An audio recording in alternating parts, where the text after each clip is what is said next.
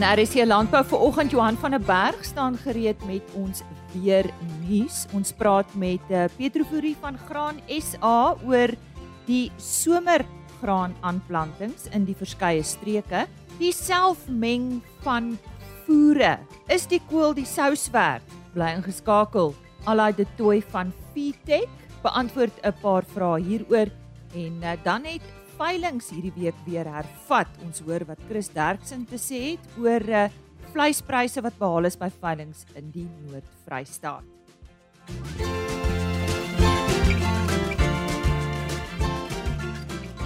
Ek vertrou dit gaan goed met jou vir oggend. Goeiemôre van my Lise Roberts. Natuurlik tyd vir RSG Landbou. Lekker om met Johan van der Berg op 'n donderdagoggend te gesels. Ons sien almal altyd uit na hierdie gesprek oor die weer. Johan, jy het voorspel die hitte is op pad hierdie week en hier in Pretoria kry ons baie warm, maar ek verneem by jou dat dit nie die warmste plek is op hierdie stadium nie, die Wes-Kaap sweet. Môre, wat se nuus het jy? Môre Lisa, ja.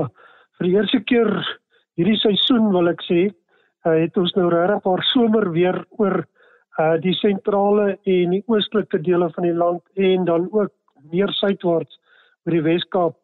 Die Noord-Kaap hou nog al die pad somer. Uh die afgelope tyd het temperature was maar hier rondom 40 grade alreeds gewees. So daai die die Noord-Kaap was al warm. Uh die afgelope week temperature soos ons gesê het in die Wes-Kaap gestyg uh oor redelike groot gedeeltes van die land uh behalwe die oostelike en suidoostelike gedeeltes daar. Dit lyk of hierdie warm toestande nog verder gaan uitbrei hierdie hierdie week volgende week tot 10 dae hier na die 17, 18, 19de se kant toe. En veral gedeeltes in die Wes-Kaap, daar in die wynlande en selfs bietjie meer Weskus nou nie teen die see nie, gaan temperature maar redelik naby aan 40 grade draai. Uh in die Noord-Kaap Ograbies, uh daardie dele van Appington ons seep kans lyk my gaan so vir 'n vir 'n hele tydjie bokant 40 grade hier na 44 grade te volgende week uh beweeg of eintlik van nou af wat dit gaan gewees. So baie warm toestande en dit lyk dan of hierdie tyd waar ons nou is hierdie week gaan die warmste week hierdie seisoen wees tot op hede. Uh so ons sal maar sien of daar nog 'n warmer tyd gaan wees vorentoe. Beteken dit die reën is nou verby vir eers uh, in die somerreënvalgebiede uh, Johan? Nee, nog nie regtig uh, verby nie. Daar kan nog reën voorkom, maar dit lyk asof die die neerslae ligter gaan wees. Uh waar ons met reën as dit gereën het, het dit 40, 60 mm gereën en dit lyk hierso van die die laaste 10 dae van Januarie so hier van die 18de, 19de, 20ste se kant af dat die sentraal na oostelike dele van die land uh 'n 30, 40 mm kan kry. Uh die die westelike dele van die land nie veel reën nie. Daar is 'n kansie, maar regtig nie veel nie. Die swaarste reën in hierdie volgende tyd lyk my gaan voorkom oor die suidelike dele van KwaZulu-Natal en dan oor redelike groot gedeeltes van die Oos-Kaap, so so agter die berge. So ek dink dis gedeeltes vir al die Oos-Kaap waar daar nog 'n redelike klompie reën kan voorkom want uh van die damme kry maar net nie water daar nie. So redelik reën uh wat oor die kom ons sê die sentraal na oostelike gedeeltes toe gaan voorkom. Wes-Kaap baie minder reën wat gaan voorkom. Noord-Kaap uh ligte reën 4, 5, 10 mm dalk vir die volgende tyd, maar regtig waar nie veel reën nie. Een van die oorsake vir die minder reën wat ons verwag in die volgende tyd is ons sien dat uh, daar redelik sterk laagdrukstelsels uh oor die in die Mosambiek-kanaal, Madagaskar, die gedeeltes ontwikkel. En daar's ook 'n kans vir baie swaar reën oor die suidelike dele van Mosambiek. En dit is 'n aanduiding uh dat ons dalk 'n bietjie meer siklonale aktiwiteit en let wel, dit is nie siklone nog nie, maar dit kan ontwikkel. En tweedens, die La Nina is tog besig om te verswak en dis een van die ander redes hoekom ons minder reën in die volgende tyd uh, behoort te kry. Johan van der Berg aan die woord daar met ons weer nuus. In Suid-Afrika is die tuismeng van veevoere 'n algemene praktyk en die tuismengbedryf is 'n groot en belangrike komponent van ons voerbedryf. Maar is die kool die sous werd? Alait de Tooi, hy is 'n professionele veekundige by Feedtex. Sluit nou by my aan om hieroor te gesels. Alait, goeiemôre. As ons kyk na die uitgawes van 'n intensiewe veeboerdery, hoeveel word aan voer spandeer? 'n Goeiemôre Lize. Uh om jou vraag te antwoord, kyk uiteraard wissel dit na gelang van van boerderyomstandighede. Uh maar dit is dikwels maklik, soveel as 75% of selfs meer. Uh en uh ja, dit is dit maak dit werklik 'n noemenswaardige uitgawe wat fyn bestuur moet word, veral uh waar waar ons kom by meer intensiewe uh, veebedrywe. Uh alhoewel ons is almal bewus van die koste van grondstowwe wat die afgelope jaar geweldig gestyg het, beteken dit dat meer produsente tuismeng of is dit iets wat dekades al toegepas word en indien wel, hoe gevestig is die bedryf? Elise uh, tuismeng van voere is 'n algemene praktyk wat al vir etlike dekades uh, toegepas word en die bedryf in Suid-Afrika is is baie sterk gevestig. Uh, daar is vele nasionale en internasionale rolspelers. Uh maar ja, hoë pryse van roumateriale die afgelope tyd uh, noodsaak beslis produsente om al alle opsies te ondersoek om voorkoste te beperk. Ehm um, en dan ja, tuismeng word uiteraard weens daardie feit ook sterk oorweeg. Wat is die voordele van tuismeng? Nou primêr uh, bied dit aan boere 'n groter mate van, kom ons sê beheer oor hulle voersamestelling en die kwaliteit daarvan dit bied ook meer buigbaarheid om 'n presisievoeding te kan toepas.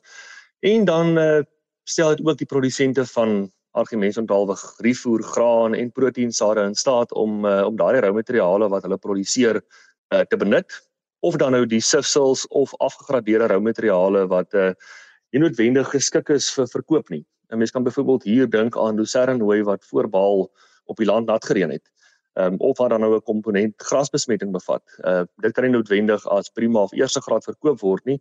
Uh en dit kan dan op die plaas benut word om voer mee te meng. Uh of 'n ander voorbeeld is hoë vog roumateriale soos kouvoer. Uh dit kan nie koste-effektief oor lang afstande vervoer word nie en uh is ook nie reg geskik om in 'n fabrieksopset gebruik te word nie. Dan laastens uh, is koste natuurlik 'n groot faktor. Uh aangesien die heen en weer vervoer van roumateriale en die winsmarge op uh, op die roumateriale natuurlik uitgeskakel word.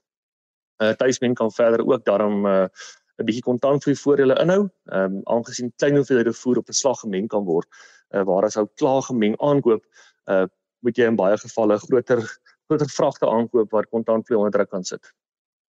Nou aan die ander kant is daar seker ook nadele alai. Definitief. Uh niks is eensydig positief nie. Uh daar's uitdagings verbonde aan tuismeng. Daar's geen twyfel daaroor nie. Uh een van die groot goed is daar is uiteraard 'n verantwoordelikheid op die produsent uh wat kwaliteitsbeheer en korrekte mengprosedures betref. En een groot faktor is ekonomiese verkryging van van roumateriale. Uh daarsonder is die uh gaan die kostevoordeel basies verlore. En natuurlik bestuursinsette sowel as ander tyd en arbeidsinsette moet bereken word. Uh veral in groter boerderye is uh die korrekte infrastruktuur uh nou dink ons hier ten opsigte van verwerking van rou materiale, meng en stoor van voere is ook krities. Ehm uh, en dit vereis dikwels noemenswaardige kapitale investering. So dit moet dit moet ook in ag geneem word as 'n ou begin kyk na besluite rondom tuismeng. So aan watter vereistes moet voldoen word om te verseker dat ons suksesvol tuisvoer meng? in kort uh kan dit opsom as wil sê tydige verkryging van korrekte roumateriale uh goeie sisteme rondom uh meng en stoor ensovoorts en natuurlik nou noukeurige bestuur. Uh en dan kan 'n mens die korrekte toerusting en infrastruktuur byvoeg uh maar in ooreenstemming met die behoeftes van die betrokke boerdery. So wat moet in plek wees? Uh dis sy groter aan van presies by die by die vorige punt nê. Nee. Uh hmm maar daarbey kan ons ook voeg ons sê goeie besluitneming op 'n deurlopende basis en baie belangrik relevante wetenskaplik gebalanseerde voerformulasies uh, spesifiek tot die doelwitte van die boerdery en die omstandighede uh, op 'n gegeewe stadium. Speel 'n veekundige enigsins hier 'n rol? Dis absoluut. 'n uh, 'n goeie sê 'n goed opgeleide professionele veekundige is sentraal tot korrekte saamstel van voere en kan 'n uh, baie belangrike bydrae lewer op ander terreine soos evaluasie van grondstowwe en byvoorbeeld bestuursadvies. Uh moderne dierevoeding is 'n is 'n ingewikkelde studieveld um, en daar is veral in herkoorvoeding baie nuances om in ag te neem. Uh so 'n prakties georiënteerde, maklik bereikbare veekundige kan definitief goud werd wees vir die boer. Voor ons by julle kontakbesonderhede kom, alait net weer 'n vraag om seker te wees ons boere weet watter besluit om te neem. Watter roete moet 'n boer volg om te besluit tussen tuismeng of klaargemengde voer? Lise, dit kom vir my neer op die spesifieke situasie in 'n betrokke boerdery en dan ook natuurlik uh die bepaalde eksterne omgewing waarin daai boerdery besigheid doen. Uh daar moet deeglik na al die opsies en moontlikhede gekyk word. Uh ek sal voorstel 'n boer doen die nodige navorsing uh en kyk na die opsies wat is haalbaar, maar neem ook die toekoms in ag. Uh dis vir my 'n baie belangrike punt. Investering in infrastruktuur en toerusting uh kan definitief uitdagings van die hede of van vandag omskep in geleenthede vir die toekoms. Uh so my raad is belyn jou boerdery om strategies besluite te neem en selfsmatig te groei en te vorder in 'n rigting. Uh amper sê soos met die meeste amper sê die meeste ehm um, gevalle in die meeste situasies kom die voordele van tuismeng uh al hoe meer na vore en dit word groter na mate die ekonomie van skaal uh, in 'n boerdery se guns begin tel. So uh as 'n ou voel jy's 'n boerdery wat besigheid wat groei, wat ek glo die meeste boerderye na streef in elk geval is dit definitief iets om om ernstig te oorweeg en jouself dan so te belyn om uh, uh om te vorder na daai na daai doel toe om om dit self te kan hanteer. Alait baie dankie. Dis Alait de Tooi, hy is professionele veekundige by Feedtech. Alait, indien een van ons luisteraars graag met Feedtech wil gesels oor hierdie onderwerp, ek weet julle het veekundiges en adviseurs eh, reg deur die land. Is ek reg? Jy's 100% reg, Lize. Uh die maklikste gaan wees uh, gaan besoek ons webwerf by uh by www.feedtech.co.za uh, en hy Feedtech is F E E D T E K. Ehm um, en daar kan 'n ou omvattende inligting kry oor tuismeng en uh uh uh, uh die betrokke veekundiges uh, vir kontak besonderhede in 'n in 'n spesifieke streek. Ehm um, en uh, die luisteraars kan uiteraard vir my ook 'n e-pos stuur um aan allight@feedtech.co.za. Ek gaan hom net spel ook. Dit is A L H E I T @feedtech.co.za. Allight dit toe van Feedtech en kom ons herhaal net weer daardie webtuiste www.feedtech www.co.za. Volgende, Chris Derksen met vleispryse wat hierdie week behaal is by veilinge in die Noord-Vrystaat en soos ek vroeër genoem het, veilinge het hierdie week hervat. Môre Chris. Goeiemôre al ons medeboere. Hoopelik 'n voorspoedige nuwe jaar vir u met al die reën ons ten minste goed begin. En Lisa, baie dankie vir die geleentheid om te praat oor die beespryse. Die volgende is belangrik. Doodnormaal sal vet veldbeeste volop word in die nasomer en dit sal altyd 'n neerdrukkende effek op hulle pryse hê. Verder moet ons onthou die voerkrale is altyd 'n bietjie leeg in die begin van Januarie omdat hulle nie baie vee in Desember ontvang het nie en daarom is daar 'n bietjie van 'n optik in die speenkallermark in die eerste deel van Januarie. Verder moet ons onthou mieliepryse is baie baie hoog wat altyd 'n neerdrukkende effek het op speenkalvers oor tyd. Verder is daar niks vreeslik dramaties in die gang nie. Ek gee vir u graag die presiese pryse. Speenkalvers onder 200 kg het gegaan vir R40.50 van 200 tot 250 kg R38 presies en oor 250 kg R36 en 5 sent per kilogram lewendig. A klasse was R32.48. B klasse R26.10. Vetkoeie was R25.10 en markkoeie tot so hoog as R22.15. Slagbulle R26.60. Die skape is ek sou ek graag wil presies wou uitvind waarom, maar stoorlammers is die baie goedkoop prys van R38.20. Slaglammers R37.80 Stoorskape R32.50 en vetskape R31.13 per kilogram lewendig. Bokke is altyd heelwat duurder met lammetjies op R47 per kilogram lewendig en ooe op R27.30 per kilogram. Indien ons van enige verdere hulp kan wees, kan jy ons of skakel by 08280 75961 of jy kan gaan na www.vleisprys.co.za.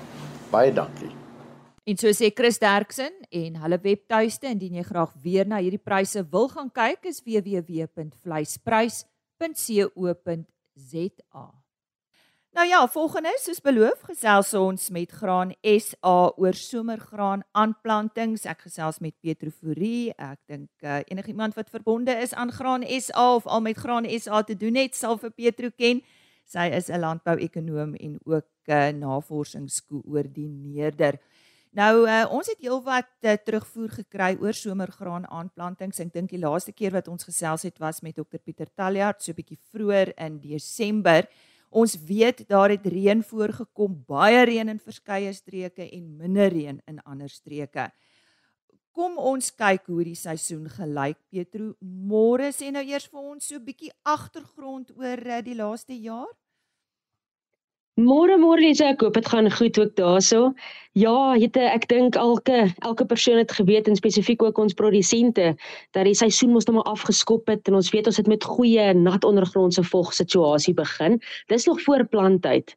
En toe het ons mos so Oktober, November maand se kant, toe daar regtig wyd verspreide reën voorgekom en ook oormatige reën in sekere areas.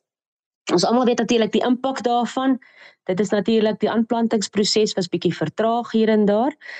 Ons boere kon nie hoe ek in die lande in lande ingekom het nie. Ehm um, hulle trekkers het vasgesit. So daar was 'n bietjie vrae gewees rondom die die vordering van die aanplantings.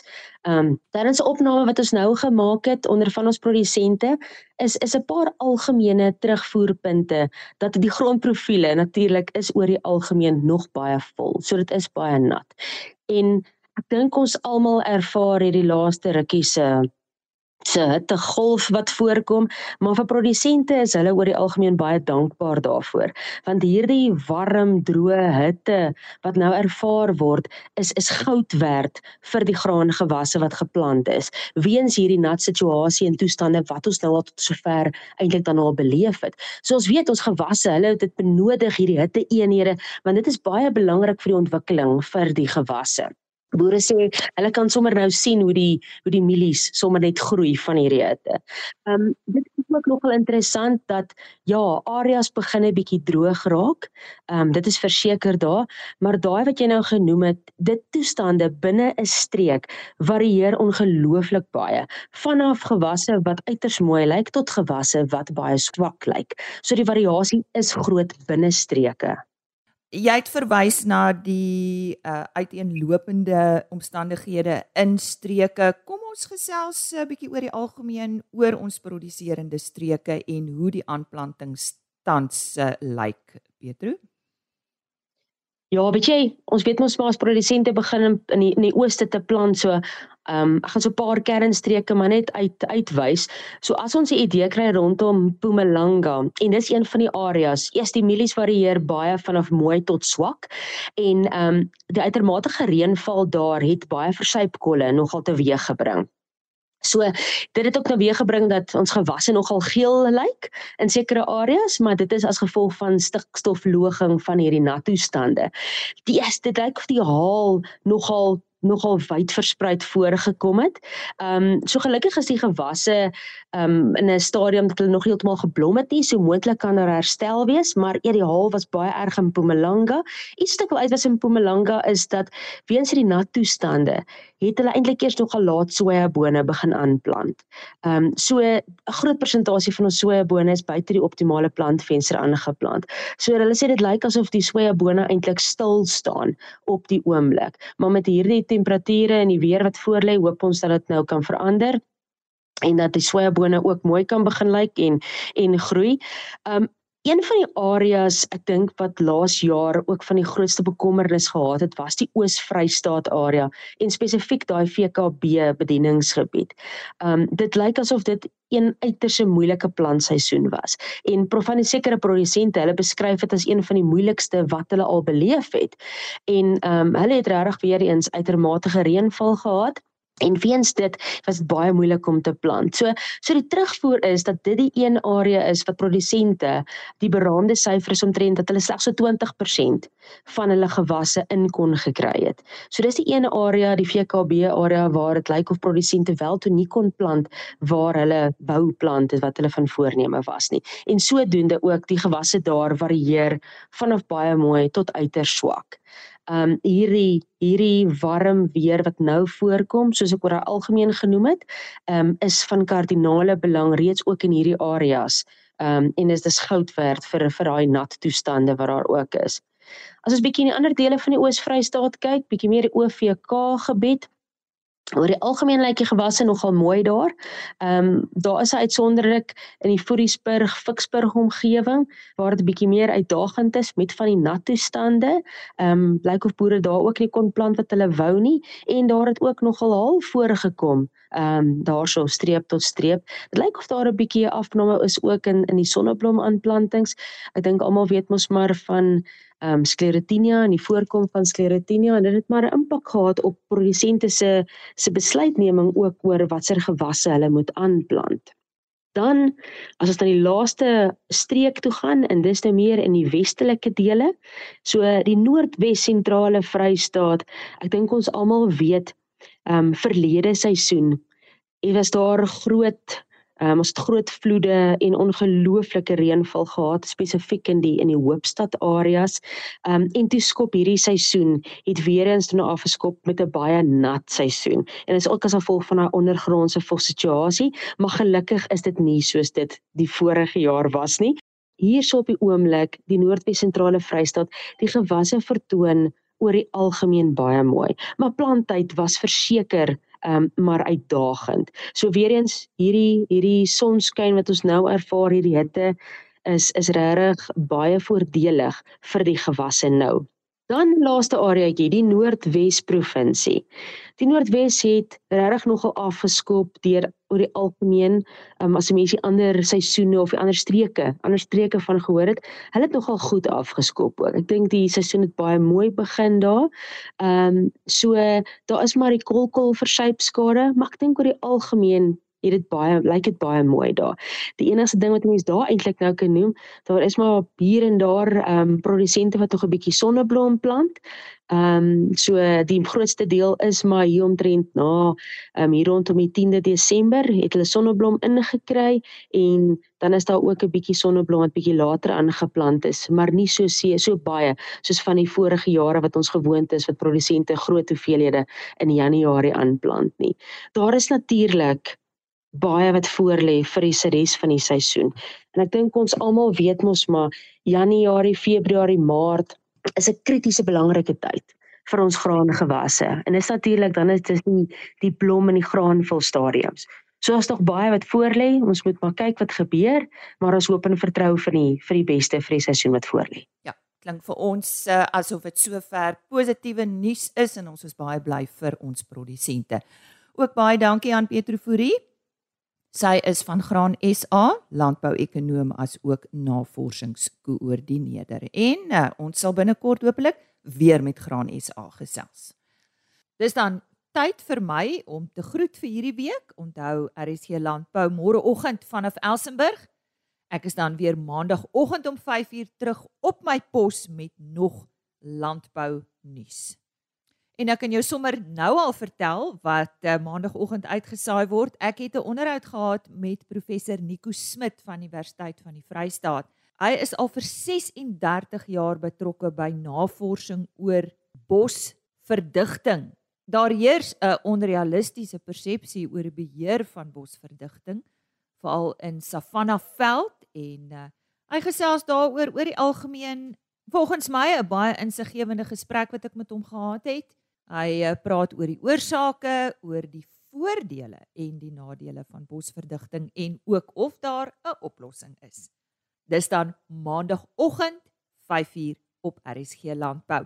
Ek sluit af met 'n e-posadres en webtuiste. RSG Landbou is op die RSG webtuiste rsg.co.za as potgooi beskikbaar. Alternatiefelik www.agriorbit.com. Kyk net bo aan die bladsy onder podcast en dan RSG Landbou. Nou op hierdie webtuiste word die onderhoude afsonderlik gelaai.